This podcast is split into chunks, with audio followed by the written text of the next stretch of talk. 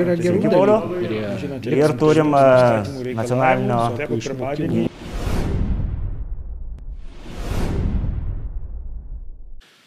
Tai sveiki visi, toliau tęsiam neredaguotą pokalbius ir šiandien bus tas epizodas, kurio neanonsavom. Tradiciškai būna per mėnesį vienas, du epizodai, kuriuos galima vadinti staigmena. Tai vat šitas ir bus toks ir e, tikrai kalbėsim su įdomiu žmogumu, su Amerikos lietuviu, išeiviu, e, karininku. Visą kitą jis apie save papasakos pats pradžioje. Kalbu apie Kestutį Eidukonį. Sveiki, Kestutį. Labas, Edvinai, malonu. Malonu labai. Tai gal trumpai papasakokit mūsų žiūrovom, e, kas jūs toks, kad, kad būtų ta nuomonė, aš jūs pristačiau kaip atsargos karininką, kaip žinau, kad jūs istorikas pagal išsilavinimą, verslininkas ir visa kita. Aš irgi istorikas pagal išsilavinimą ir studijavau rusų istoriją, sovietinį politinį mokslą. Bet labai paprastai aš jokiuosi, aš buvau sukurtas Lietuvoje, gimiau Vokietijoje, užaugau Amerikoje. Lietuvą pirmą kartą pamačiau 91-2 metais. Tai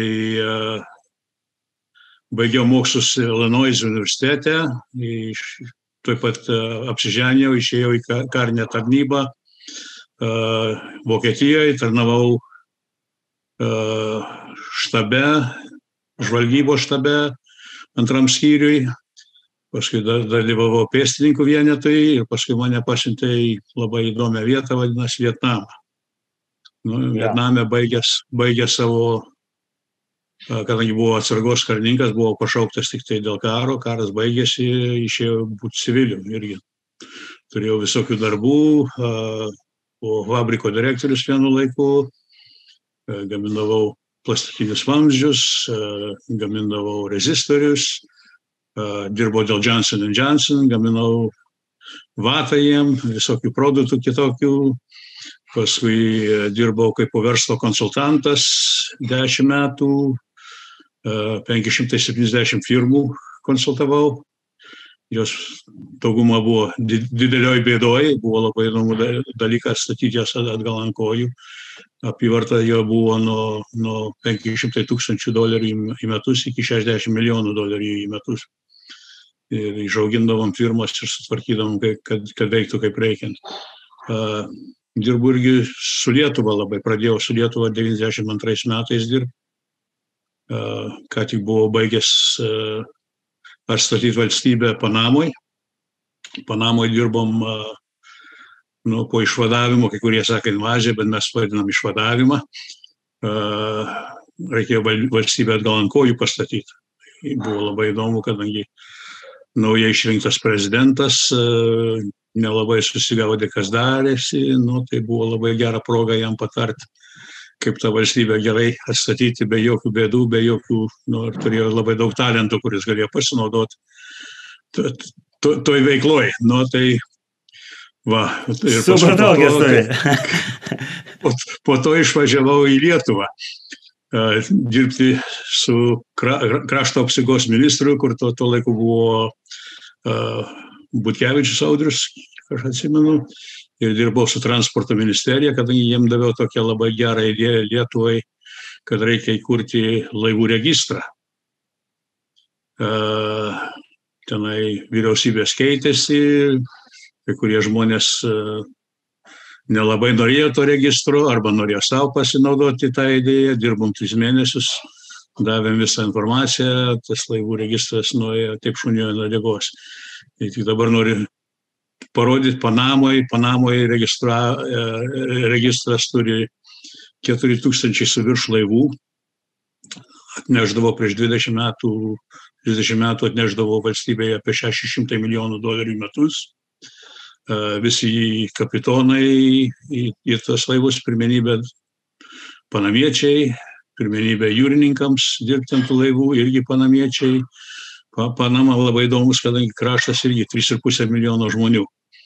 Taip kaip Lietuva buvo, kai gavo nepriklausomybę. Tai man labai įdomu palyginti kur viena valstybė nueina, kur kita valstybė nuėjo. Nu, nuėjo. Na, nu, aišku, čia sun, sun, sunku lyginti, nes e, gerokai kita geopolitinė situacija ir, ir, ir, ir matyti ekonomikos struktūra yra visiškai kitokia. Ne, pa, sakau, panašumas yra nu, gan didelis, kadangi va, pradėjom e, po, po išvadavimo visą struktūrą ten Panamos, e, ryšiai, paštas, e, ligoninės. Nu, bet. Taip kaip ne, neveikia kaip reikia. Bet vien jau tas faktas, kad jie administruoja kanalą, kuriuo keliauja tas medau. Mes administravom ir turėjom juos išmokinti, kaip perimti tą kanalą. Kanalas dar tuo laiku nebuvo per, pervestas, bet jau, jau darbą darėm. Iš, iš, išmokinti visus buvo labai e, nu, sudėtinga, bet ir, ir policija buvo, pavyzdžiui, kariuomenė turėjom nuginkluoti 20 tūkstančių kareivių su ginklais ir nelaimingi, kadangi jie gaudavo tokia e, Panamos alga vidurinė būdavo apie 100 dolerių mėnesį, o kareiviai gaudavo 500 ir dar turėdavo policijos teisės. Tave galėdavo kiekvienas eilinis kareivis sustabdyti gatvėje, nu, tu važiuoji be šviesų, kaip be trečią valandą po pietų, man tų šviesų reikia. Nu, bet žinai, nenoriu, taip, taip, taip, taip žinai, kas būdavo gaudavo penkis, penkis balbos, penki doleriai iš tikrųjų, kadangi jie savo valiuto neturėdavo. Ir viskas tvarkoja. Kas, kas tais dabar daryti? Nelaimingi, taip toliau, korumpuoti. Ir buvo, buvo labai sudėtingas darbas tą situaciją sutvarkyti, bet sutvarkėm. Supratau, Gestoti. Tai aišku, mes galėtume pakalbėti ir apie labai daug temų, bet jo, Pra, pradėkim gal nuo to, kadangi mūsų žiūrovai tikrai yra alkani tos informacijos šiek tiek e, pas mus, sakykime taip, vienpusiškai, jinai patenka tai, kas vyksta Amerikoje, daugiausiai mes žinom tai, ką ką, ką, ką retransliuoja mainstreaminė medija ir, ir aišku, čia kai kam galbūt nepatiktų, jeigu tai formuluotume mintį, bet, nu, žinom, kad didžioji dalis Amerikos žiniasklaidos yra pro demokratų partijos, dėl to turim, turim labai vienpusišką informaciją. Ir, o Amerikoje, nu, kaip, kaip ten bebūtų, geopolitiniai judėjimai bevyktų, tai yra bet kokiu atveju svarbiausia valstybė, kuri užduoda toną vis dar. Tai ir matom, kad ten tikrai vyksta, vyksta žodžiu, kažkas tokio arti pilietinio karo. Jeigu taip galima pavadinti, tai vat, papasakokit, kaip vat, po administracijų pasikeitimų koks, ar, ar yra kažkokių poslinkių naujų vektorių, tasme, kas, kas vyksta Amerikos vidaus politikoje? Gal pradėkim, pradėkim nuo vidaus politikos. Čia labai įdomi tema ir labai seku, kadangi, nu, esu, kaip sakant, kaip siurblis, vis, visas žinias, kur galiu gauti, suserbiu ir paskui analizuoju, kas dedas ir, ir, ir taškus bandau sujungti. Čia būdavo mano darbas, kai dirbdavau žvalgyboje, tai taškus Amerika jau nuo senų laikų pradėjo perimti marksistai universitetus. Perėmė... Čia, čia, čia apie kokius laikus mes kalbame? 70-metį, 80-metį? Pra, prasidėjo po, taip pat po Vietnamo karo. Uh, judėjimas buvo prieš tą karą, mes tą karą pralaimėjom ne dėl to, kad kautynės pralaimėjom, bet tauta prarado politinę dvasę, kad atsispirt toliau ir toliau kovoti. Ir mes stačiai tos vienamiečius pakabinom ant, ant maišo, polimas davė, jiem kulkų ne, ne, ne, ne, nedavėm. Tai jie neturėjo net su kuo kovoti. Ir praktiškai išdavėm tą kraštą, kadangi demokratų partija buvo labai prieš tą karą, respublikonai buvo už, kad baigim tą karą, laimėkim arba palaikykim juos, mes jau buvom pradėję programą, kad e, atsimint. Tai pradėjau tai, tais laikais. Ir aš kalbėjau vieną kartą su vienu rusų pulkininku, kurs e, perėjo į Amerikos pusę. Jis labai įdomiai pranašavo dalykus, sako, jūsų universitetai yra infiltruojami, mes turim programą, kur perimti mokyklas, skaldyti šeimas, išmesti religiją iš uh, viešo, kaip sakant, uh, judėjimų, iš mokyklų, iš, uh, iš, iš valdžios ir taip toliau. Ir čia yra tas skaldimas toliau ir vyksta. Demokratų platforma yra globalistinė. Jie nenorėtų pripažinti jokių sienų, tegul kas, kas nori gyvena, kur nori, kaip nori. Tas pats, man atrodo, tendencija turim ir Europoje, su Europos Sąjunga. Yra sunku išlaikyti tą lietuvybę, jeigu mes tampam globalistai ir nu, lietuvybė tampa toks kaip nu, sportinis judėjimas, kad mes už žalgirį ar panašiai, mes lietuviai. Tai tas nėra patriotiškumas, čia yra, yra bėda po visą pasaulį, ypač Amerikoje dabar sienas nori atidaryti, žiniasklaida, kadangi universitetus jie perėmė, universitetai yra dabar maždaug 90 procentų valdomi kairiųjų, Hollywoodas irgi perimtas, vienintelė medija, kur nėra perimta daug, tai tokia kaip pačio ir paskui radio. Pas mus radio programos būdavo vienintelis dalykas, paskui atsirado Amerikoje Fox News, tas kanalas, kur, nu, kai kurie įsako, kad dešiniųjų, bet iš tikrųjų jie duoda e, abi dvi pusės ir leidžia žmonėm pasirinkti ir pa, pasilyginti patiems. Tai vienintelis, e, nu ir paskui yra daug ant interneto visokių kitų sites, kaip sakant, ir, ir jie duoda daugiau balanso. Jeigu tu klausai vien tik CNN, aš seku CNN, seku MSNBC, seku BBC, seku Deutsche Welle, net ir kartais e, perskaitau pravdą. Reikia žinot, kas dedasi pasaulyje ir ką, ką, ką pusė aiškina. Tai atrodo, Lietuvoje gaunat grinai demokratų partijos liniją. Balanso jokio nėra, net kartais, kai žiūriu e, žinias iš, e, iš, iš Lietuvos, tai net jauti, kad va, ir ypač dar, dar vokiečių kanalas Deutsche Welle, tai jaučiasi net tokia neapykanta ne tik tai Trumpui, bet visai Amerikai. Toks uh, sarkastiškumas būna iš tų pranešėjų, o, matai, taip ir taip, taip, taip blogai, matai, čia, čia, čia. Ir stačiai iš, iš Amerikos nelaimių kartais pasidžiaugia, kadangi va, mes buvom tie vadovaujantis kraštas visam pasaulyje, visi žiūrėdavo į Ameriką, o demokratų partija yra, kad mes norim Ameriką sulyginti su visais kitais, kad nebūtų galinga, kad būtų lygiai tas pats, kas, kas visur. Tai tą unikalumą nori panaikinti. Demokratų partija yra labai įdomi ant to, kad jie skaldo Ameriką. Visus skaldo, tu esi juodukas, juodavodis, tu esi moteris, tu esi toks ir toks, tu, tu, tai mes, mes tau duosim privilegijų. Tai vienintelis žmogus, kur neturi privilegijų Amerikoje, kur lieka, tai yra baltas vyras. į, į Bideno administraciją dabar baltų vyrų, sako, daugiau nepriims. Bus arba moteris, arba juodaodžiai, arba kiti, aziatai ar kas nors. Tai buvęs kariuomeniai, mes sakydavome, mes matom vieną, vieną spalvą tik tai, žalę. Tai buvo mūsų uniformos spalva. Ir ar tu juoda uodis, ar tu moteris, ar ką, mes tave gerbdavom dėl tavo gabumo, ne dėl tavo odos spalvos ar dėl tavo uh, lyties ar panašiai.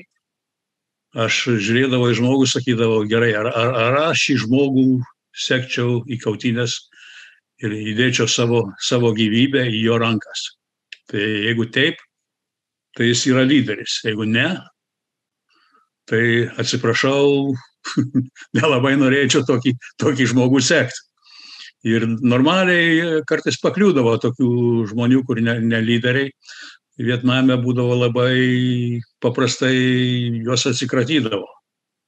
Naktį miegant, kas nors numesdavo po lovą garsinę granatą, kur žalos didelės nepa, nepadarytų, bet trys mėnesiai tavo ausys skambėdavo ir turėdavo tavo siūsti siūst namo patys kareiviai tą padarydavo, kai pamatydavo, kad netoks vadas, kur galim, galim sekti. Čia yra. Nu, šiais, lai, šiais, lai, šiais laikais tai jau čia būtų traktuojama kaip rimtas nusikaltimas.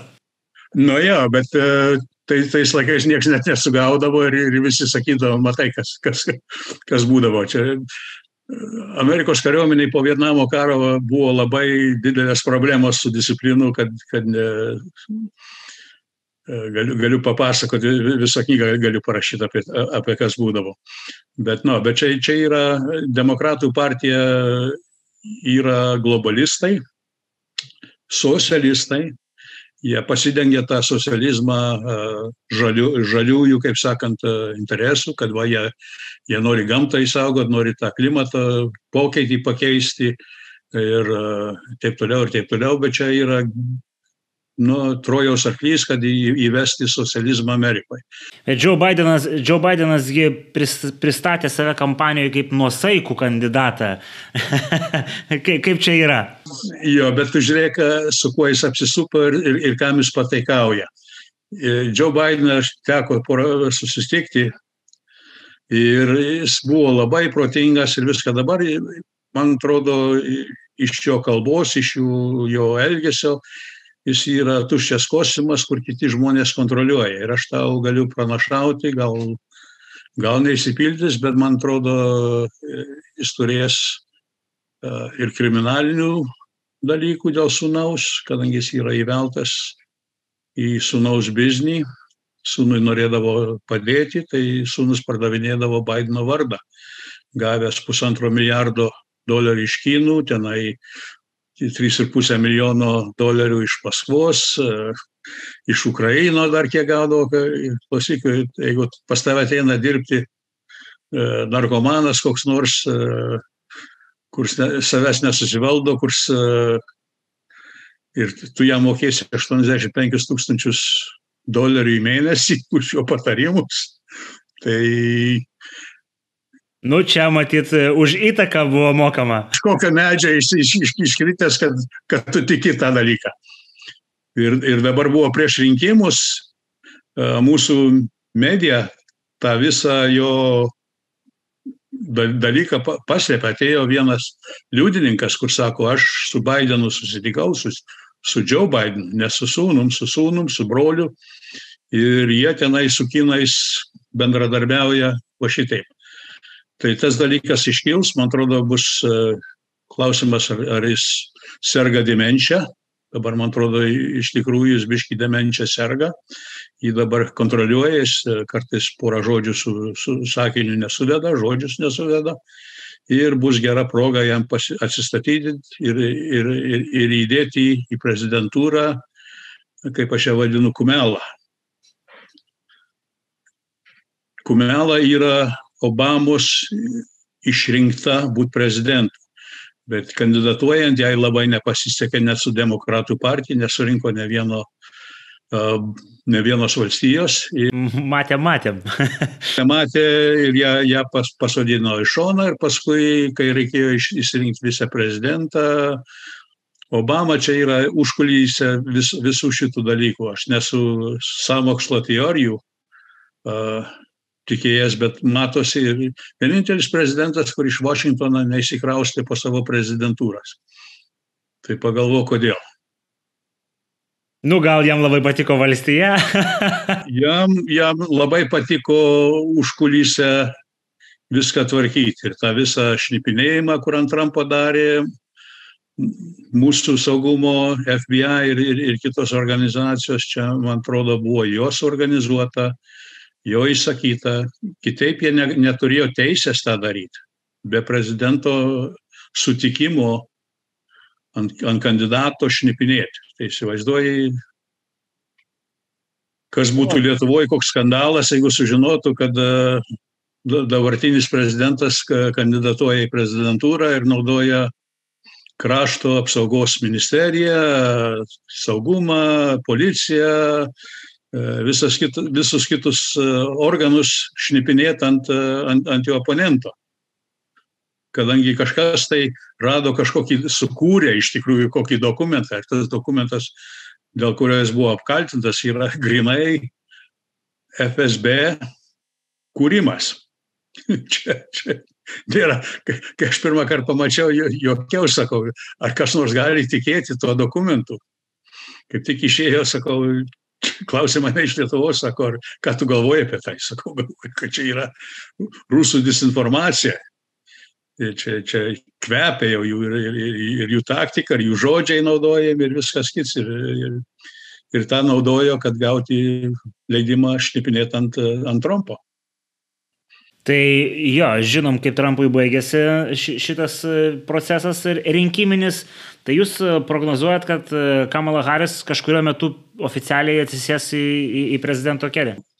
Jo, klausimas laiko, kiek ilgai gali Bideną tenai leveruoti, kadangi jis, jis yra, sakau, jis yra marionetė, kur užkulisiai tvarko, jam, jam, jam liepia kada kalbėti, ką kalbėti, ką sakyti, gauna, gauna klausimus į spaudos iš anksto, paruošia jam, jam mokindavo audio video technologiją, tai būdavo toks po kamerą eidavo visi sakiniai, ką reikia, ką reikia skaityti, labai lengva tada klausimus atsakyti, jeigu, jeigu tau rodo aš Kestutis Eidukonis noriu tą ir tą padaryti ir taip ir taip, o čia viskas eina apačioj kameros. Tai, tai Bidenui taip viskas veikdavo per, per, per spaudos konferenciją. Nu, bet ma ma matom, kad jam kartais ir tele, teleprompterį skaityti iškyla nesklandumų. Ar neveikia gerai, arba nueina nuo temos. Jo, tai tada esminis matyt klausimas, koks tas pagrindinis vektorius, kuriuo, kurio šita administracija ir, ir, ir tie pilkieji kardinolai, kurie yra, koks vektorius, kur, kur, kur yra judama, koks tikslas e, Amerikoje, žodžiu, pasiekti. Amerika, Amerika jie nori nuvesti į socializmą, į pradėti krašto lyginimą, jau, jau dabar kalba apie juodamodžiams uh, reparaciją, kad jiem užskriauda, kur padaryta prieš 200 metų, kur ne vienas iš jų ne, nekentėjo dabar, kad jų protėveliai tenai kentėjo, kad jiem duoti pinigų iš, iš mokesčių mokėtojų kišenės. Ta e, judėjimas, ta Black Lives, Black Lives Matter, ten yra grinai ir jie patys prisipažino, kad jie sako, mes esam ištreneriuoti marksistai. Nu jo, mes matėm, kaip viena iš jų lyderių per pastarosius metus perka nekilnojamą turtą, tai nelabai panašu, kad... Keturis namus nusipirko. Nelabai panašu, kad tenais būtų kapitalistinės užmačios pamirštos, žodžiu. Nu, kas, kas pasakė, Leninas sako, kad kapitalistai parduos mums virvę, su kuria mes juos pakarsim. Tai visos firmos čia Amerikoje, kur aukoja, jie surinko beveik milijardą dolerių. Įsivaizduoji? Uh, visi nori, kaip sakant, kad, kad juos paskutinius užpultų. Tai va, mes, mes dalinam, kad manęs tik tai neužpul. Čia yra grinai, nu, nežinau, kaip lietuviškai žodis blackmail. Šmeižtas. Uh, jo, kad, kad va čia mane ne, nelieskit, aš jums sumokėsiu už protekciją. Tai čia kaip Kauno mafija, kad veikia, kad jūs mums duokit pinigus, mes jūsų neliesim. Bet ar čia nėra absurdo tame, kad, nu, ar paveš Amerikos ekonomiką to, to, tokį tokį, kaip sakoma, akibrokštą, jeigu, jeigu žodžiu, bus, bus mokamos reparacijos, bus mokami ten, nežinau, kažkokie universal basic income, žodžiu, ir kiti dalykai. Ar gali valstybė, kol kas mes neturim istorijoje precedento, kad normaliai funkcionuotų socializmas, tai kokiu pagrindu jį bando pastatyti Amerikos demokratų partija? Nu, jie, jie tiki, kad socializmas veikia, tik tai jis niekada nebuvo teisingai įvestas. Mhm. Čia, čia yra jų taktika. Ir jie dabar yra, žinai, žinai, kaip komunistų elitas, kad mes viską žinom, kas geriausia tautai, liaudis nieko nežino, jie yra visi durniai, mes turim pasakyti, ką jie turi daryti ir, ir juos kontroliuoti ir, ir taip toliau. Tai čia tas pats dalykas vyks.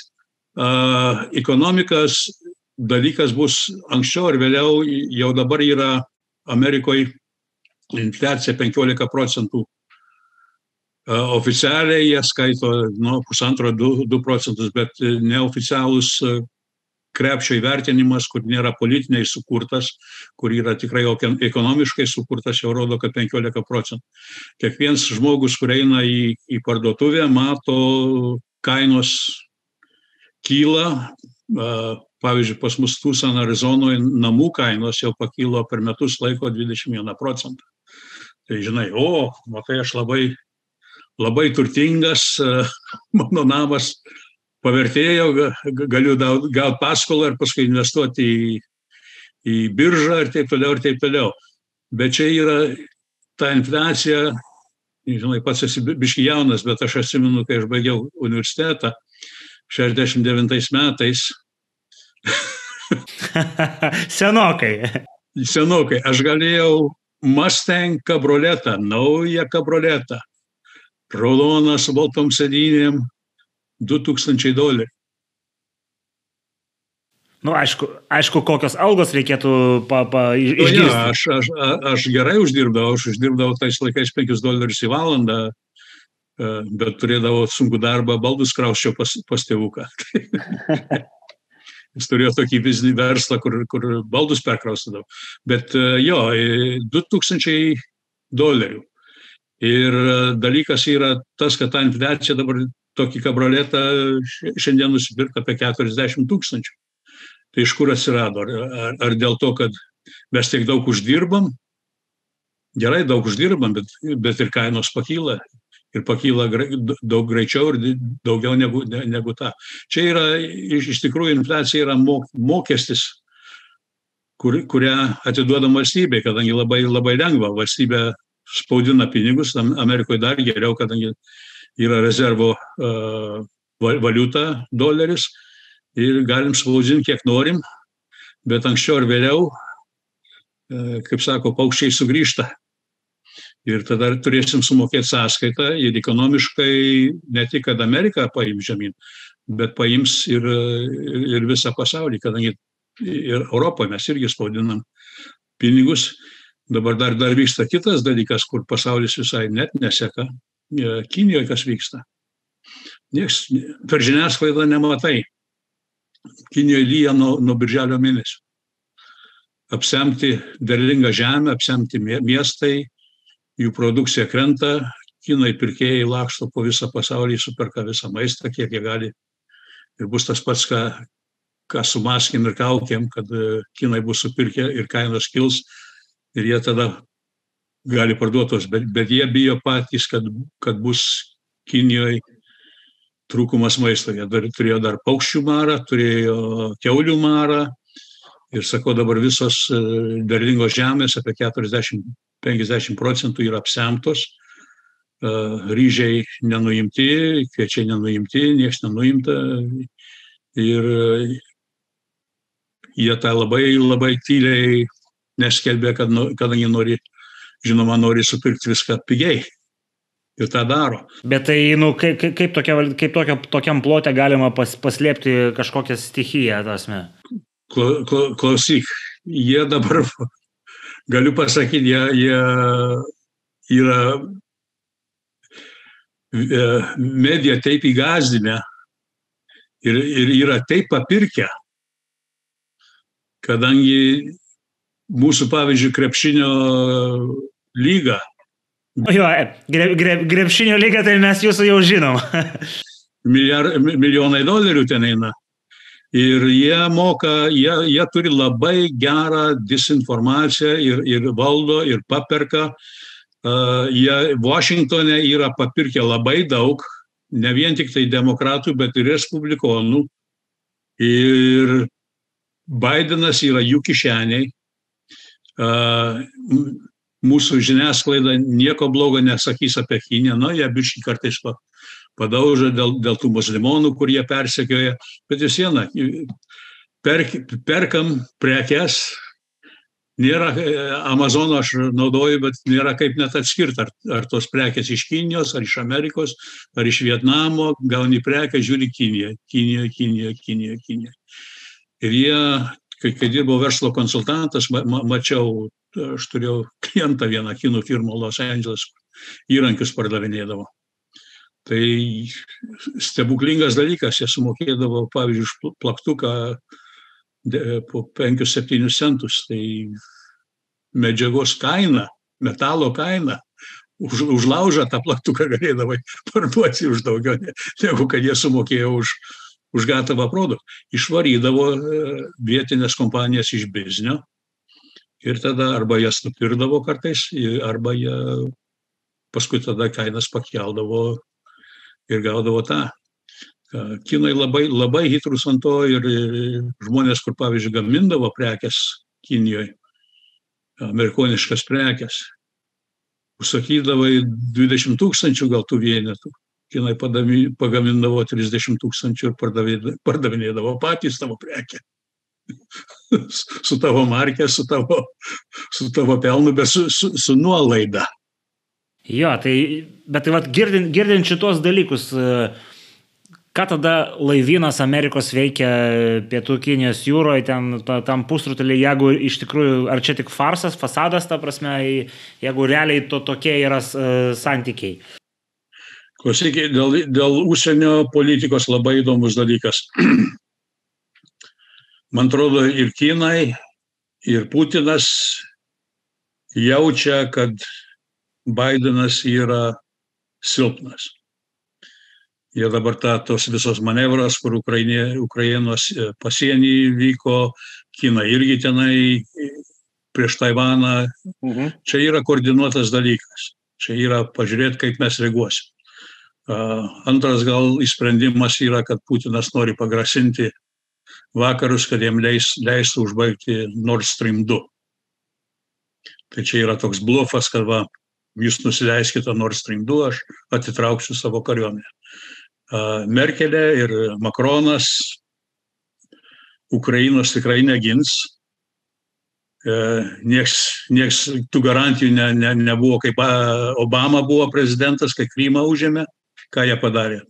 Garsiai protestavom pasakėm Putinui, kad taip negalima, kad čia nemandagu, čia negalima. Putinas špygą parodė, jiems sako, va, aš paėmiau, ką jūs dabar padarysit. Nieko. Nu, sankcijos, sankcijos, čia rusai sankcijų nebijo, kadangi jie yra irgi investavę po visą pasaulį, pinigus paslėpę po visą pasaulį oligarkai ir čia tos sankcijos jų tikrai nebaido. Tarp kitko, čia, čia yra klausimas irgi toksai susijęs ir su, ir, ir su tiek su tarptautinė, tiek su vidaus politika. Mes girdėjom, kad Bidenas, kai, kai žodžiu, jau atėjo į, į, į, į, į Baltos rūmus, tai vienas iš pirmesnių sprendimų buvo frackingo uždraudimas ir kas leido naftos kainai, žodžiu, kilstilti. Tai, tai kokios sankcijos, jeigu mes atlaisvinam, žodžiu, rusų naftai kelius pasaulyje? Va, Tai čia, čia ir buvo mano visas simasas. Matai, Trumpas man irgi kartais nepadėdavo, nepatikdavo, kaip jis kalbėdavo, nemandagus būdavo, bet aš žiūriu, ką jis padarė. Kalbėti, žinai, visi politikai labai gražiai moka pažadėti viską visiems e, ir įsisukti iš, iš, iš, iš tų pažadų, kaip juos išrenkam.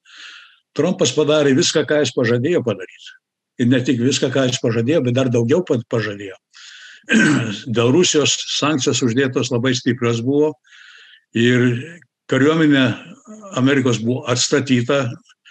Obamos laikais buvo taip nuvaryta, kad per manevras kartais, nu, nežinau kaip lietuviškai, bet šiškos, man atrodo, nuo, nuo, nuo medžių mėtydavom vietoj granatų. Ir tikrai kulkų nebūdavo, visko trūko, viskas buvo sugriuvę, naudota, kadangi mes visur kovojam, o pinigus skirti tankam taisyti, lėktuvam taisyti trūkdavo ir, ir, ir Trumpas, kai ėjo, pakėlė biudžetą. Tai čia yra draugiškas aktas Trump, Putinui. Čia yra kaip tik prieš, priešingai.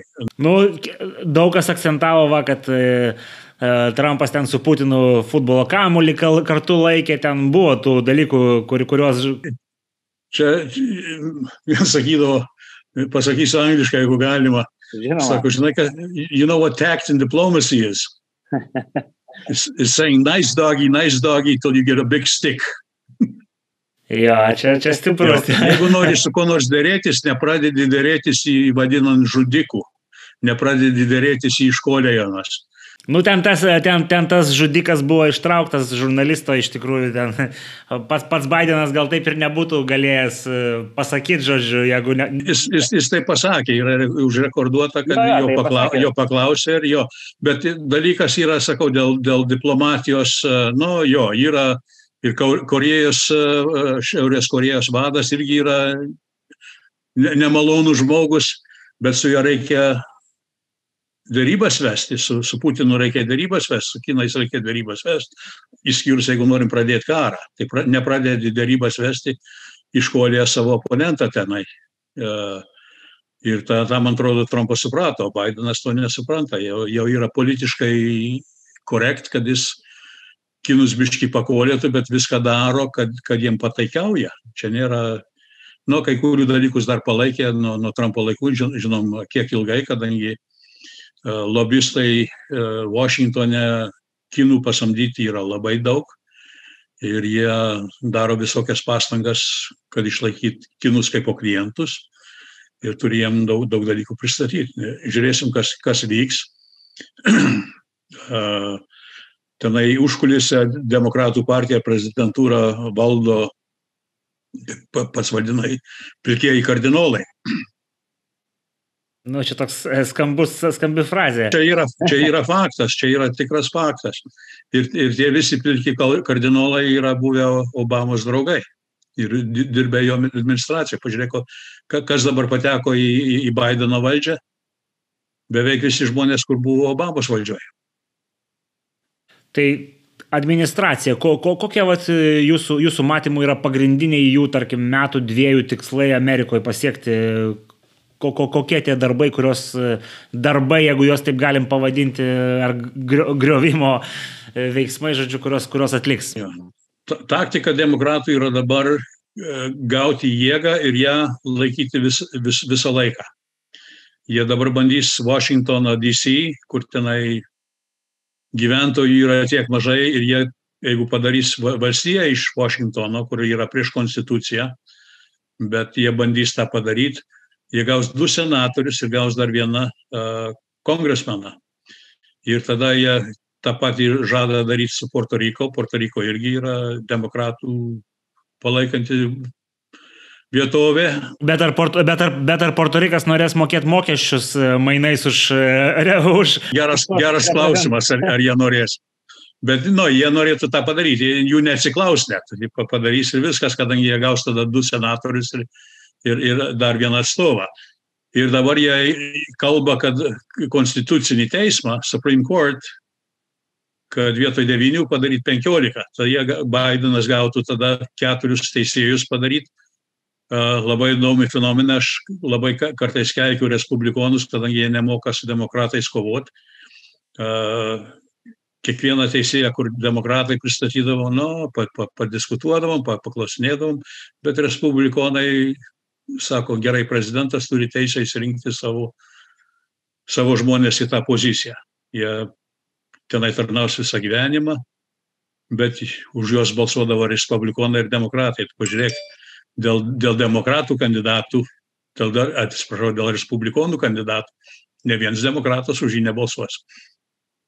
Jie vieningai prieš ir viskas, ir jeigu, jeigu senatą nebūtų kontroliavę, uh, respublikonai būtų ne vienas naujas teisėjas respublikonas nepatekęs. Jie taip sudirba žmogų, kad jeigu jis ir patenka, tai jo reputacija yra taip sudirbta, kad neklaus. Žiūrėkit, paskutinį tą moteriškę nelabai taip Barrett, bet tą, tą teisėją prieš, prieš ją.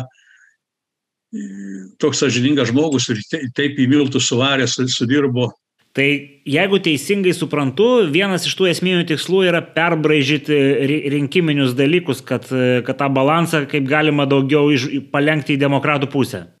Jo, ir, ir kalbos vyksta, kad panaikinti tą elektorinę rinkimo sistemą, kur turim, kad kiekviena mhm. valstybė gauna tam tikrą skaičių ir, ir padaryti, kad rek. Tada automatiškai, kai abu kairieji pakrantėjai, kai mes vadinam, Kalifornija ir New Yorkas nuspręs, kas bus prezidentas.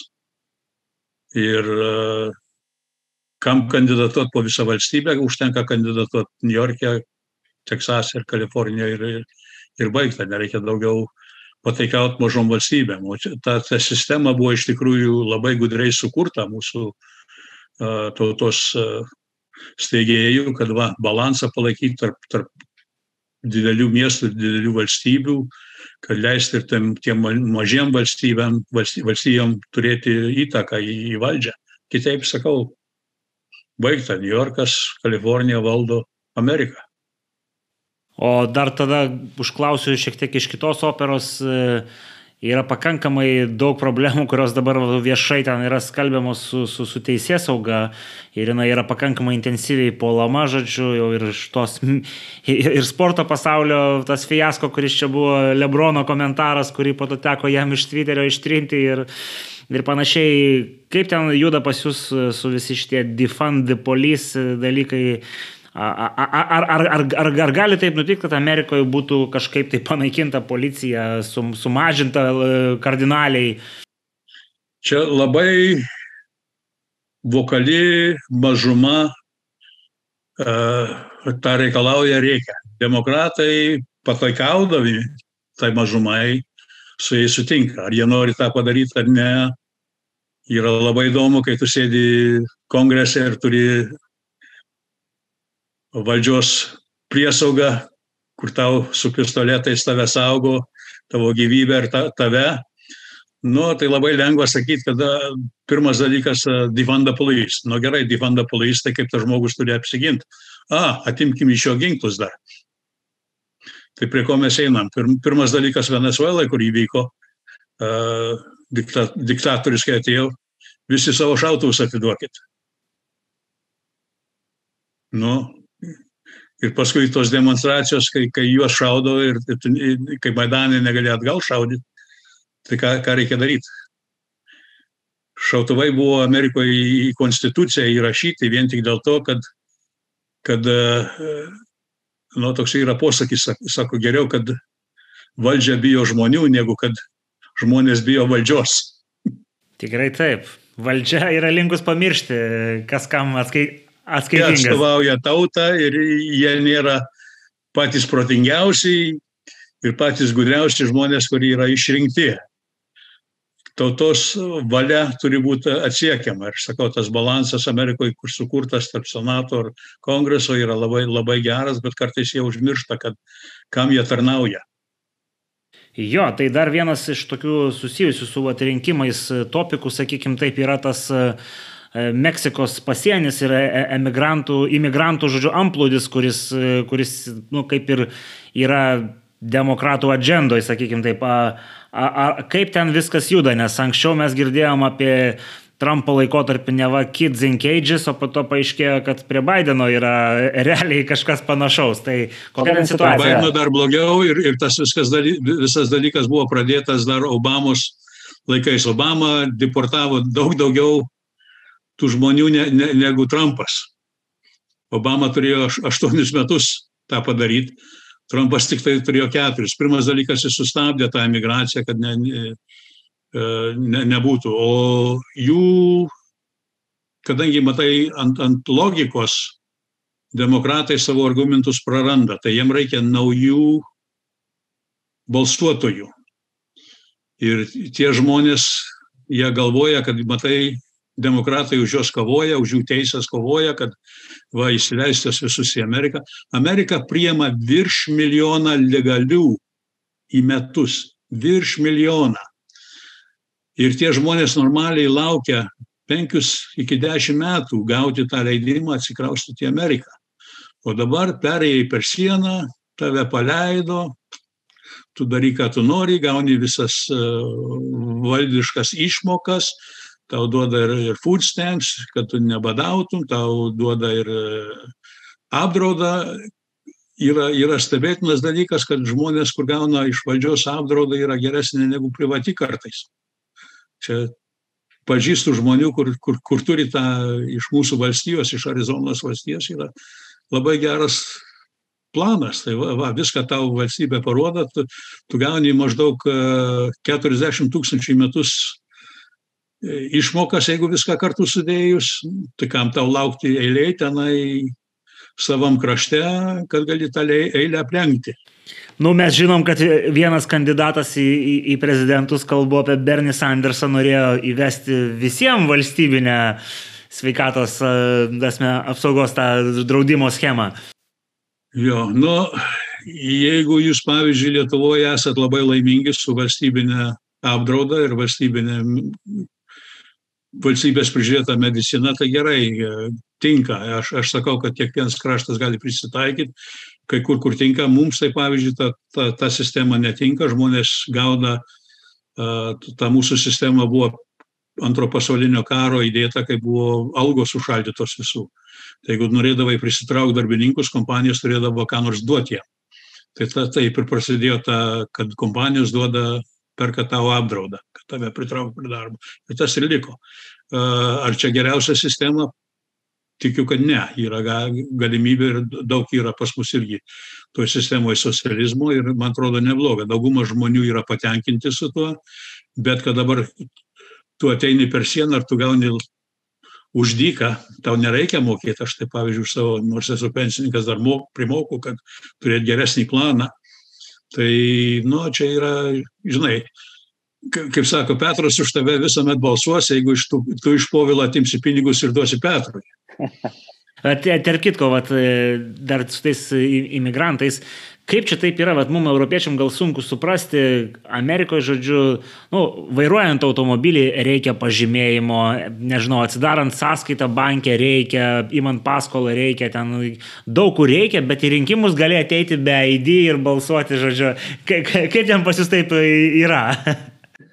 Čia yra irgi demokratų toks sukurtas kanardas, kai mes vadinam, kad va, biedni žmonės neturi nu, neturi legalų žmonės. Pavyzdžiui, jeigu aš noriu registruotis dėl e, vairavimo teisės, aš galiu e, registruotis per internetą, turiu nueiti paskui egzaminą išlaikyti ir aš gaunu teisę. Kai kurios valstybės neturi įrodyti, kad tu esi pilietis ir neturi jokio kito, kadangi ta, ta, pas mus ta vairavimo teisė tam, tampa, e, nu, kaip pastas Lietuvoje, kada mhm užtenka parodyti tą vairavimo teisės ir tu gali į lėktuvą įlipti ir taip toliau. Bet dabar irgi keičiasi, kadangi tie, tie tos valstybės, kur, valstijos, kur tai padarė, turi pasikeisti. Dešimt metų jau davė jiem pakeisti, daugumas dar nepakeitė, vėl atidėjo. Tai tie, kur teroristai, kur tą padarė, jie turėjo vairavimo teisės, amerikoniškas. Tie ja, žmonės, kur. Jo. Ir, ir čia yra, aš nežinau, kaip iš europiečių pusės, man atrodo, jūs į tą žiūrit, sako, nejaugi tie amerikonai tokie durniai. nu, atrodo iš tikrųjų keistai, keistai atrodo. Tai... Na nu, ir paskui yra pažeminimas juodo uodžių ir sako, o matai, jie, jie neturi, jie per biedni, jie nesupranta. Ta vairavimo teisę be vairavimo gali gauti identifikacijos kortelę dykai. Tik reikia nueiti, padaryti nuotrauką ir pasimti. Tai į lėktuvą turi įlipti, turi parodyti identifikaciją. Į, į teismą nueiti, turi parodyti identifikaciją. Balsuoti. O čia yra, yra visas simusas, kad tada galima tą sistemą apgauti. Aš gyvenau Čikago ilgą laiką, tai mes visi sakydavom vote early, vote often, and even the dead vote.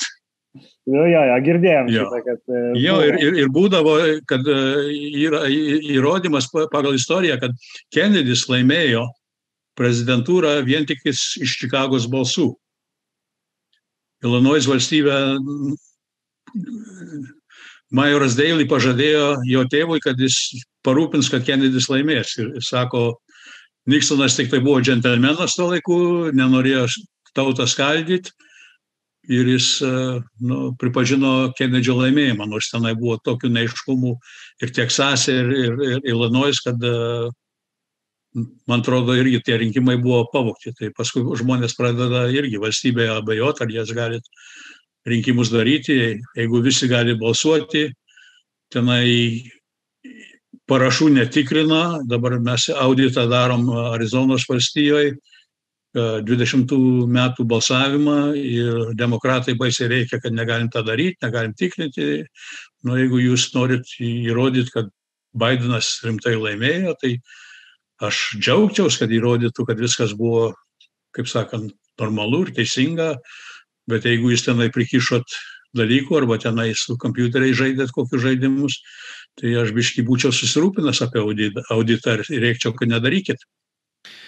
Supratau. Nu, vienas dar čia dabar palikim rinkimų temą, nes čia matyti yra neišsprendžiamas topikas, yra kaip matom iš statistikos, pusė Amerikos tiki, kad rinkimai buvo pavokti, kita pusė tiki, kad viskas yra ok. Tai...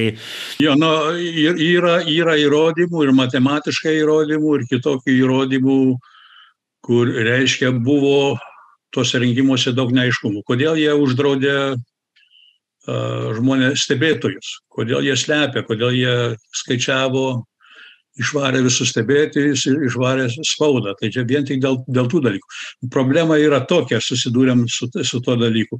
Tai jeigu įrodytum dabar, kad tie rinkimai buvo pavokti, ką darom? Tai jau matyt nelabai, ką galėtumėt ir padaryti. Jo, ką tu padarysi, ką tu dabar padarysi.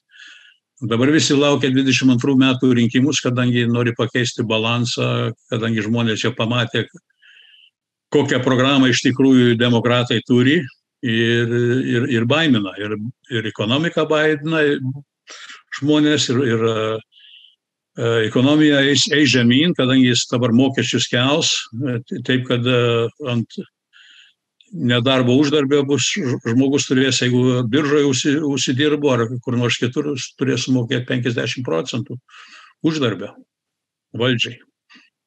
Nu, skamba kaip pažangiose Euro, Europos valstybė.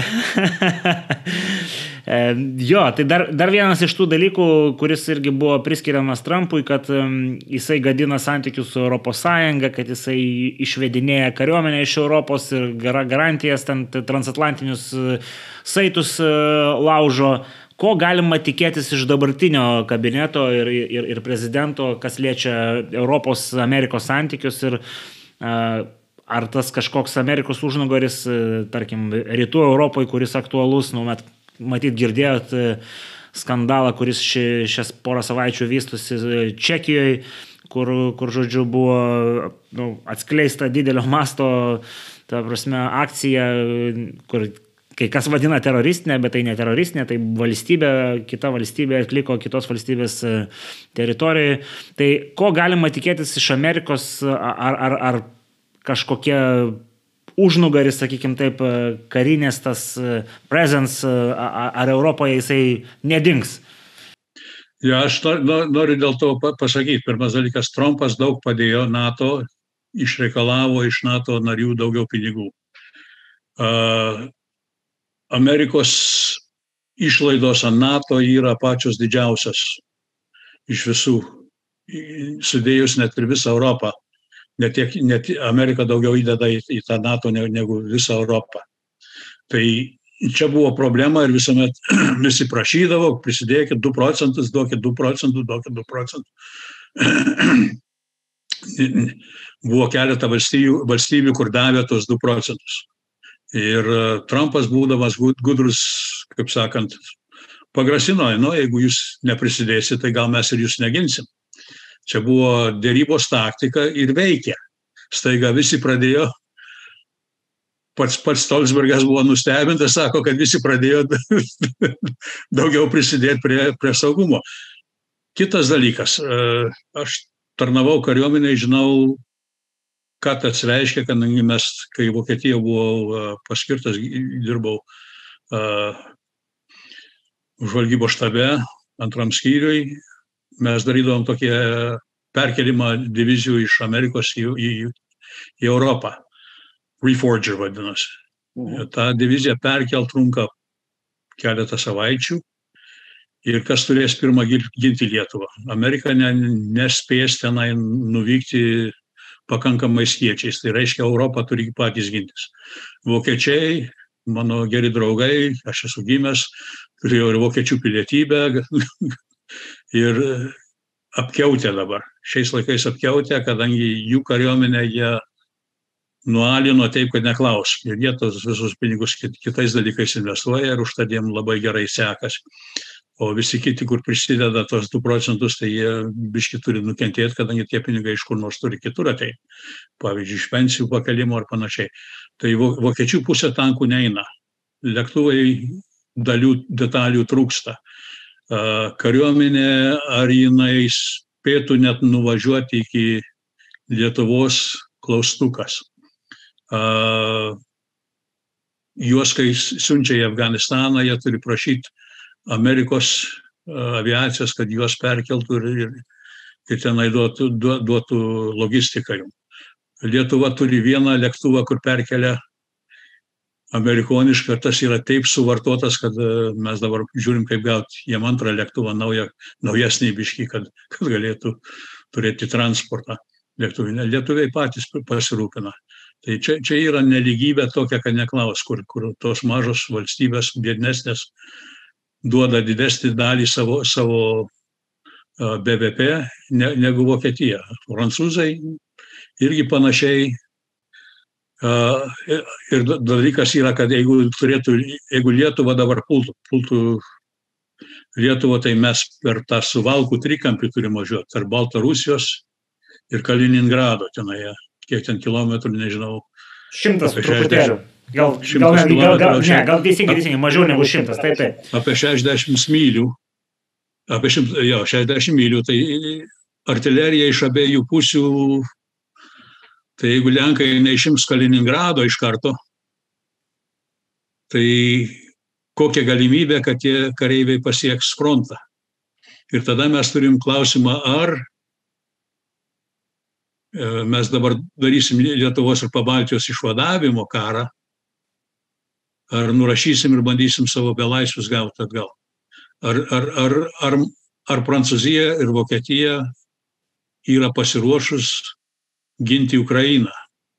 Nu, mes atsakymą matyti žinom iš, iš istorinių precedentų. Jo, jie labai daug protestuos ir Putinas tą viską žino. Klaus, klausimas jam lieka, ar Amerika leis jam tą daryti. Obama jam leido Krymą užimti, nieko nepadarė. Tai dabar klausimas irgi, kas būtų su Lietuva. Ar, ar, ar vokiečiai ir prancūzai eis kariauti. Žinau, Lenkai ko gero eitų, mūsų kaimynai gal eitų, bet klausimas, ar tos didelės pagrindinės NATO valstybės eitų. Pirmas dalykas, jie nėra pasiruošę. Antras dalykas, ar jie eitų. Nu, Jeigu jie nepasiruošę, jie, tai ko gero neitų. Teoriškai pagal sutartį jie turėtų eiti. Turėtų, jo. Krymo, ne Krymo, bet su Ukraina buvo irgi pasirašyta sutartis tarp, nu, tai, tarp Rusijos, Anglijos ir Amerikos, kad va, jų teritorija garantuota. Rusija pasirašė tą sutartį.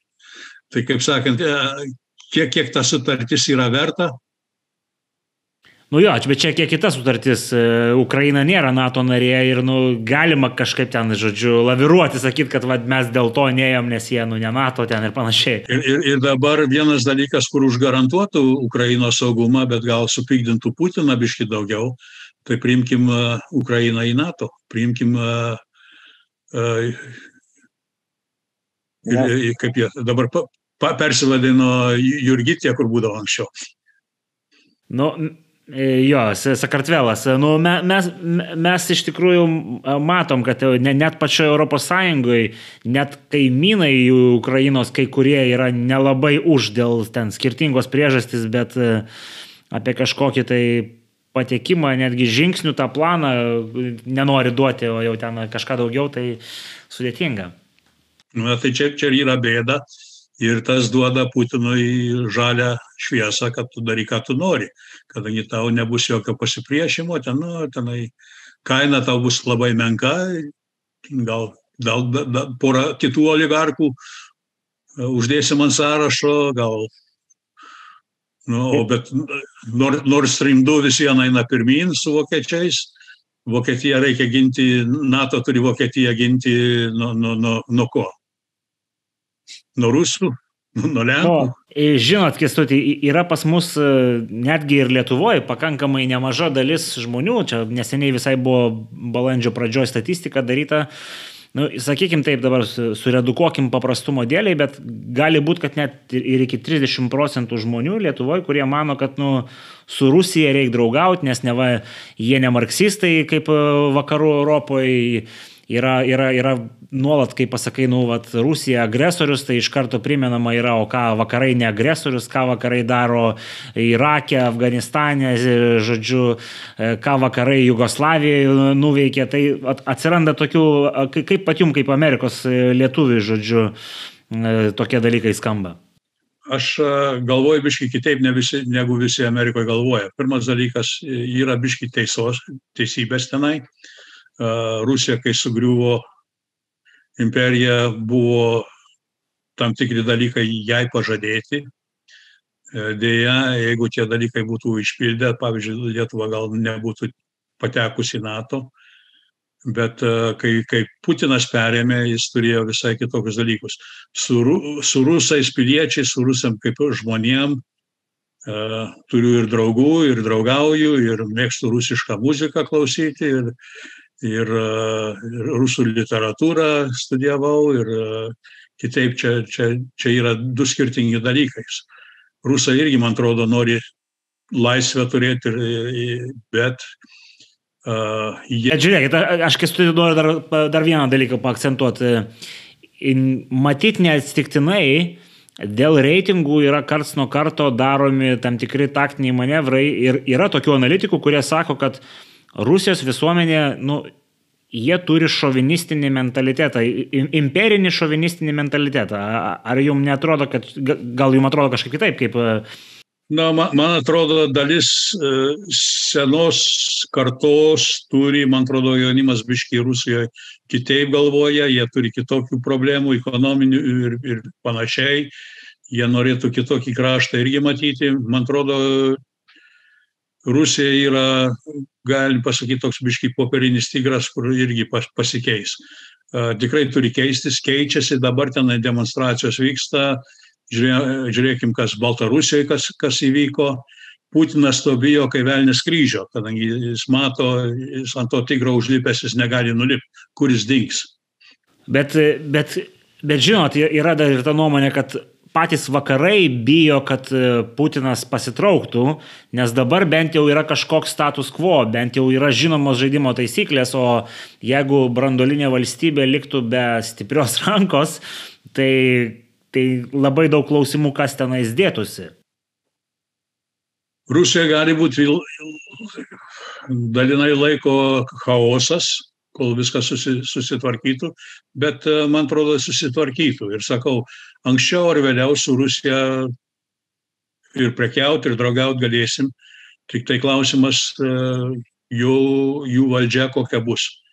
Jeigu ta, ta imperialistinė valdžia, kur nori e, pabaltiją vėl užimti ir kas skaitosi jų kraštas dar, jam, jam priklausantis, tai santykiai turi būti biški tolimesni, neartesni, artimesni. Man atrodo, gali pasikeisti su kitokia valdžia, su kitais žmonėm, kadangi yra ne, ne taip kaip Putinas, yra daug oligarkų, kur yra iš tikrųjų verslininkai, kur galvoja apie, apie pinigus ir, ir galvoja, kad būtų geriau, kad santykiai su Rusija ir su vakarais būtų kitokie. Čia pranašystas nedarau, bet vis, vis tokia yra informacija, kad oligarkai kai kurie Rusijai norėtų Putiną nuversti, bet jis per, per gerai įsitaisęs, bet jeigu proga pasitaikytų su jo sveikatą ar panašiai, ar, tai būtų pokyčiai ir man atrodo jau yra šešėlinė struktūra, kur, kur greit perimtų. Jo, nu, matysim, kol kas jisai neplanuoja paleisti vadžių iš rankų. buvo, buvo matyti, kas su Medvedevu darėsi. Medvedevas nors ir bagotas, ir turtingas, ir multimilijardierius, bet jis norėjo biškai vadovauti Rusijai kitaip. Su Medvedevu, man atrodo, santykiai gal būtų kitokie. Tai dabar, kaip pasakiau, tai gali jį nuimti. Bet, nu, jis yra kitokių žmonių e, Rusijoje, kur ir, ir, ir pavyzdžiui, nori daryti, kas yra geras e, bizniam, kas yra gera verslui, kas yra gal ir gera tautai, rusų tautai, kadangi jie negali sėdėti ant tokio skurdingo krašto, kur dabar. Maskvoje viskas tvarkoja, bet pažiūrėk, kas, kas dedas Rusijos viduje. Siaubas, kas tenai, košmaras yra, kaip žmonės turi gyventi ir, ir išgyventi ir, ir, ir iš ko jie išgyvena, kartais net neaišku. Nu jo, čia, čia atskiras klausimas, iš ko jie ten išgyvena, tai čia matyti reikėtų keletą laidų daryti apie tai. Tai grįžkim dar gal prie Amerikos pačiai pabaigai. Kas galbūt tokio dar vat, jūsų, jūsų žvilgsnių, kadangi vis tiek kažkurio akies kraštų matot, ką Lietuvoje mes matom apie Ameriką, ko mes dar galbūt, ką norėtumėt papasakot e, iš tokių aktualijų, kas vyksta, ko, ko, ko Lietuvoje nelabai girdėti iš, iš, iš spaudos iš spaudos, spauda labai filtruoja, sakau, aš galiu palyginti, ką jūs gaunate, tai gaunate iš CNN, iš BBC ir iš Deutsche Welle. Tai visas žinias apie Ameriką, kur jūs gaunat iš, iš Washington Post ir iš tų kairiųjų dalykų. Tai aš kai, kai kartais užsuku kitas žinias ir jeigu aš klausyčiau vien tik tą, tai aš gal irgi galvočiau, taip kaip daugumas Lietuvoje galvoja, galvočiau, kaip daugumas demokratų Amerikoje galvoja, kad matai, jo, bet yra dvi, dvi pusės. Ir, ir tą antrą pusę reikia išklausyti. Amerika duoda tas žinias, jos yra, bet mes jų neskleidžiam, kadangi ne, netinka mūsų naratyvui, kad Amerika dabar eina žemyn. Ir yra pasisakę žmonių demokratų partijoje, kad jie nori tą padaryti. Tai, tai Antifa ir paskui yra labai gera knyga Saulo Linskį parašyta Rules for Radicals 72 metais. Yra visas tas planas išdėstytas, kad perkraut valdžią, kad valdžia sugriūtų, tada perims tas elitas, kur žino, ką jie daro. Mes tą dainą girdėjom ir 18 metais, 1918 metais. Ir tą patį dainą kartuojam Amerikoje. Man, man sarmata prisipažinti, kad mes iki to nuėjom, bet sakau, čia buvo labai ilgai, ilgai veikiantis planas, kad Amerika yra irgi mes savo herojus, net ir Washingtono, o jis turėjo vergus, matai, reikia jo statulas greuti, reikia visą Amerikos istoriją greuti, šeimas reikia greuti, religiją reikia greuti. Mes jau Stambulo konvenciją irgi, demokratų partija stumė, kas yra Stambulo konvencijoje. Tik tai kitą bylą nevadina Stambulo konvencija. Nuginkluoti visus piliečius, kad jie nepasipriešintų prieš tokius dalykus, atimti policiją, kadangi va, policija taip ir taip ir taip, taip, taip. Tai ką jie daro? Jie tyčia greuna Ameriką. Bet va, čia, čia vat, no, no, no, noriu paklausti vieną niuansą. Vat, e, paminėjot, e, pas mus irgi pasigirsta tokių vat, e, posakių, žodžiu, nes tai kaip tą tradicinę šeimą greuna, žodžiu. Nu, ne va, tai yra dauguma ir kad nu, jos negali sugriauti, čia kalbu apie progresyvai taip kalba, tai kad neva jokios grėsmės tradiciniai santvarkai nėra. Tai gal jūs galite kažkaip tai pailustruoti, kaip atrodo tas e, tradicinės amerikoniškos e, heteroseksualios šeimos griovimas. Pra, prasidėjo irgi, kadangi kai pradėjo valstybė, čia buvo dar e, Johnsono laikais, po, po Kennedžio pradėjo tą programą, kad išgelbėt biednus žmonės iš uh, iš biednumo. Ir pradėjo valdžia duoti visokias subsidijas, food stamps, visokias bedarbystės mokesčius, bet kad tuos visus dalykus prieiti, jeigu turi vaikų, gauni pinigus už vaikus, gauni tas food stamps už tuos, tai jie padarė taip, kad vyras negali, jeigu vyras egzistuoja, tai jis atsakingas už tuos vaikus, už tą šeimą. Bet jeigu vyro nėra, tik tai motina yra, tai gauni tas, ta, tos visus uh, dovanėlės iš valdžios. Tai ką, vienų žmonių ne vien tik tai juodaodžių, bet ir baltųjų pradėjo tokia, nu, padarom vaikų, gaunam iš valdžios pinigų, aš uh, naktį grįšiu pas tave, o dieną manęs namie nebus, jokių uždarbių tu neparodysi, aš, aš dirbsiu ar darysiu, ką noriu, bet e, šeimos išlaikymų pinigų neskirsiu. Tai taip pradėjo e, daryti. Kadangi... Bet, e, ko, ko, ko, koks čia procentas populacijos vat, tuo užsiminėja? Tai čia ir buvo įdomus, pavyzdžiui, vien tik juodaodžių, be, be tėvų gimdavo, gal tenai būdavo 20-15 procentų vaikų. Dabar 70 su virš procentų vaikų gimsta su, vienu, su viena mama ir valdžia išlaiko. Ir, ir jau yra trečios ir ketvirtos kartos, kur taip gyvena.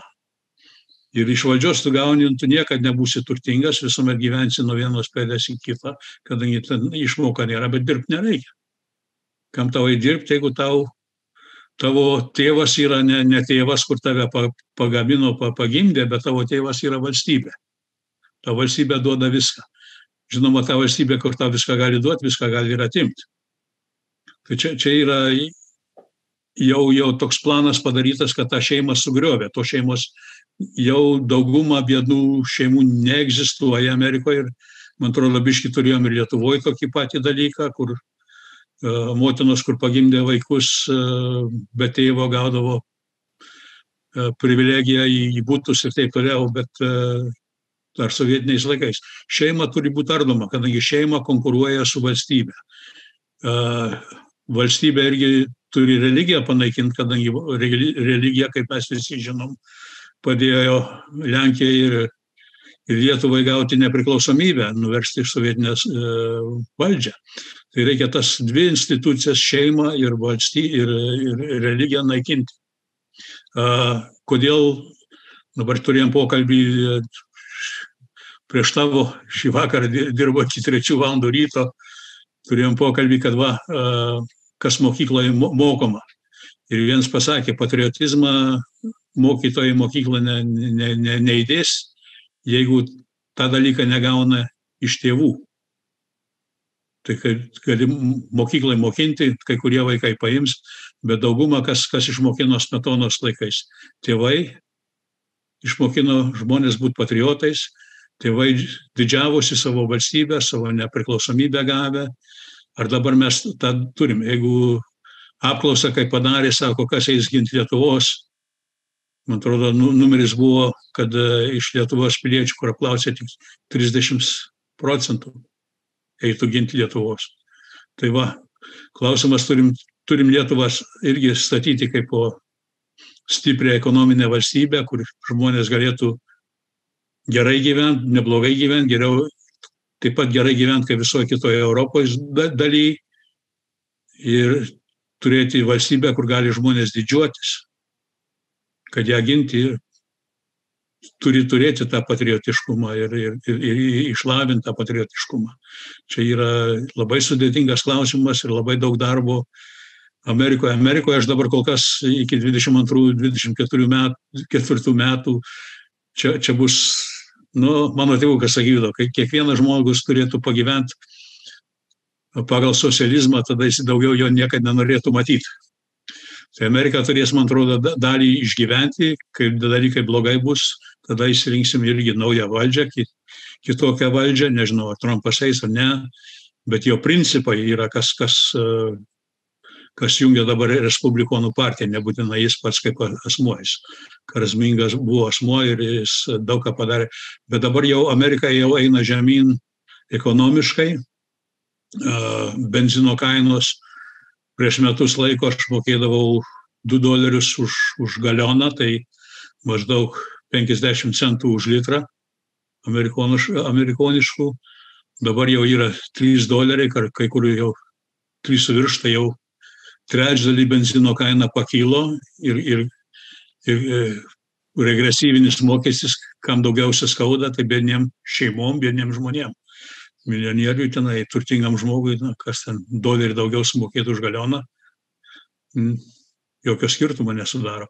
Bet biedniems žmonėms čia jau skaudu, darbai, ne, ne, valstybė, kai įsikiršo, dabar yra, darbai atsidaro Amerikoje, bet darbininkų nėra, kadangi ką man dirbti, jeigu aš gaunu daugiau iš valdžios negu dirbdamas.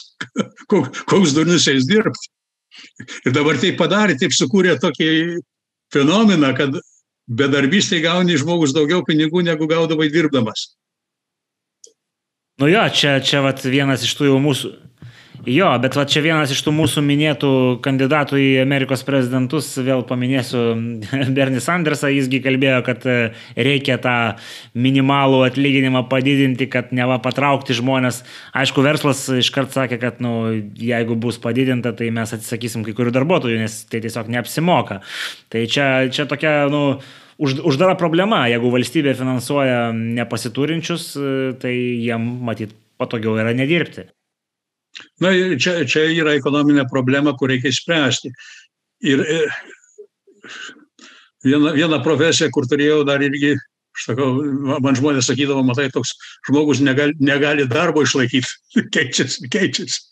Iš tikrųjų, man labai kartais nusibosdavo, aš išlaikiau ilgiausią laiką, dirbau 10 metų kaip verslo konsultantas. Tai ką aš matydavau, žmonės pritraukti į firmą, Amerikoje atidarydavo mažą firmelę, aš negalėdavau tai firmeliai, pavyzdžiui, tam užmokėti už tavo sveikatos apdraudą. Pats turėdavai pasirūpinti arba rizikuoti, arba, arba į ten valstybinės tos Medicaid programos, kur, žinai, nuo katastrofos tave apsaugos. Bet kai firma pradeda aukti, aš tau galiu duoti ir didesnį algą ir, ir, ir, ir kitą. O mes Lietuvoje, ką mes darom skirtingai, mes tą pradedant čia firmą, tuoj pat smaugiam.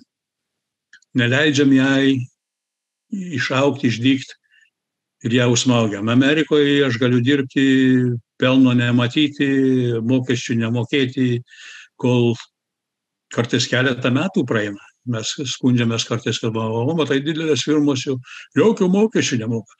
Na, Amerikoje mokesčiai mokami ant pelno, ne ant pajamų ant pelno atskaičius visas tavo išlaidas. Tai jeigu aš neturiu pelno, tai aš jokių mokesčių nemoku. Ir jeigu aš nuostolius turiu, aš kišu pinigus, tie nuostoliai yra perkeliami į kitus metus. Tai galų galia, kai aš pradedu gal tą pelną turėti, tai man matai, aš čia penkis metus turėjau tos nuostolius, aš tos nuostolius pradedu nuo to uh, mokesčių nurašyti ir man keletą metų aš darau pelną, bet mokesčių nemoku, kol, kol, kol mano ta firma neįsidirba. Kai įsidirba, tada jau, jau kis dalykas. Bet dalykas yra juokas, kad ekonominė nesupranta, jeigu ta firma, kiek jin žmonių samdo, kiek jin vietinių mokesčių moka, kiek tie žmonės, darbininkai, kiek jie tų mokesčių moka. Labai įdomus paradoksas yra, kad aš visuomet juokdavau, sakau, jokios firmos mokesčių nemoka. Kaip tai? Firmos mokesčius surenka valstybei. Jie nemoka. Jeigu mes pakeliam benzino kainą su mokesčiais, ką ta firma iš savo kišenės tenai, ant, ant benzino, pavyzdžiui, Amerikoje firmos tik 7 procentus uždirba. Tai iš, iš kur jie, jeigu mes pakeliam jų mokesčius tai jie pakels benzino kainą. Čia labai natūralus dalykas. Prekių kaina kyla, jeigu mokesčiai kyla, tai tie mokesčiai kas nors turi sumokėti. O kas mes čia sumokam? Pirkėjai. Mes sumokam tos mokesčius. Tai, o mes ant jūsų mokesčius nekėlėm, mes tik tai ant firmų keliam, ant, ant tų bagočių, tų, tų didelių verslų mes pakėlėm mokesčius. Nu gerai, tai kodėl pabaigo, pa, pabrango kainos tų, tų prekių? Jo, čia tų, to, tos ekonominės problemos e, nėra taip paprastai išsprendžiamos, nes nu, visi, nori patra, visi nori patraukti anklodį į savo pusę. Ja, sudėt, yra sudėtingas dalykas, kaip, e, kaip e, mes sakydavom, lietuviškai sako, kaip vilkas būtų sotus ir yra vis būtų sveika, ne? Tai čia panašiai to, to, tokią dalyką reikia daryti. Jo. Taip, Kesutė. Tai manau, kad pirmam mūsų pokalbiui gal ir baigiam, nes e, turim jau pakankamai tokį, atsakyčiau, solidų laiką, valanda 20. E, žinom, kad žiūrovai dažniausiai mėgsta apie valandą, po to jau atsiranda sunkumų. Tai... Septynias minutės. Septynias minutės. nu jo, čia, čia, čia, čia, čia, čia jau dar kita statistika. Fa, faktas yra, jeigu neužkabinsi žmogų per septynias minutės, jis daugiau nežiūrės. jo, nu, matysim, kaip ten bus, bet, kok, bet kokiu atveju manau, kad e, pirma pažintis užmėgsta ir mes e, pašnekėsim dar ir kitom temom, nes e, jūsų patirtį reikia, kaip sakoma, perduoti Lietuvos klausytojui ir, kaip suprantu, nesat toks dažnas svečias Lietuvos medijose. Ja, labai malonu, tikrai ačiū, kad pakvietei ir man malonu pasidalinti, aš bandau Lietuvai padėti kiek galiu. Uh, dabar irgi dirbu PLB uh, kaip ekonominio bendradarbiavimo komisijos pirmininkas, bandom sukurti porą patarimų Lietuvai, kaip po COVID, kad atsigautų Lietuva. Yra prie kiekvienos bėdos yra, sakom, proga. Ta mhm. proga Lietuva, jeigu išnaudos ir greit susitvarkys po pandemijos, gali pirmauti ant atsigavimo Lietuvoje ir kad Lietuva taptų pirmoji vietoj ekonomiškai Europos Sąjungai. Norit. Nu, čia, čia, čia, čia labai ambicingas planas, bet sutar... Su... Aš ambicingų dalykų mėgstu simti, kadangi yra, yra daug įdomiau. Ir dalykas, aš noriu matyti 4 milijonus lietuvių gyvenant Lietuvoje turtingai ir laimingai. Va, čia mano šūkis. Nu jo, čia šūkis labai geras. Tai kestutis, sutarėm taip, kad jo, sekantį kartą vat, būtent padarom apie tai laidą ir, ir, ir išgirsti, kokios galimybės atsiveria, atsiveria žodžiu, šitos po pandeminiam pasaulyje, jeigu galima jį tai pavadinti. Ja, Edvinai, labai, labai dėkoju už progą paginti, paginti kitą pusę ir, ir, ir, ir malonu, kad tu duodi progą, kaip sakant, paaiškinti antrą pusę, kas, kas dedasi Amerikoje, kad nebūtų vienpusiškos žinios. O kestutė, kaip, kaip sako Britai, the pleasure is all mine, tai tikrai tai buvo, buvo malonu ir ačiū visiems, kurie žiūrėjot. Nepamirškit, kad galit mus paremti ir kitaip prisidėti socialiniuose tinkluose, kad mes džiugintume jūs daugiau ir ką, iki kitų kartų.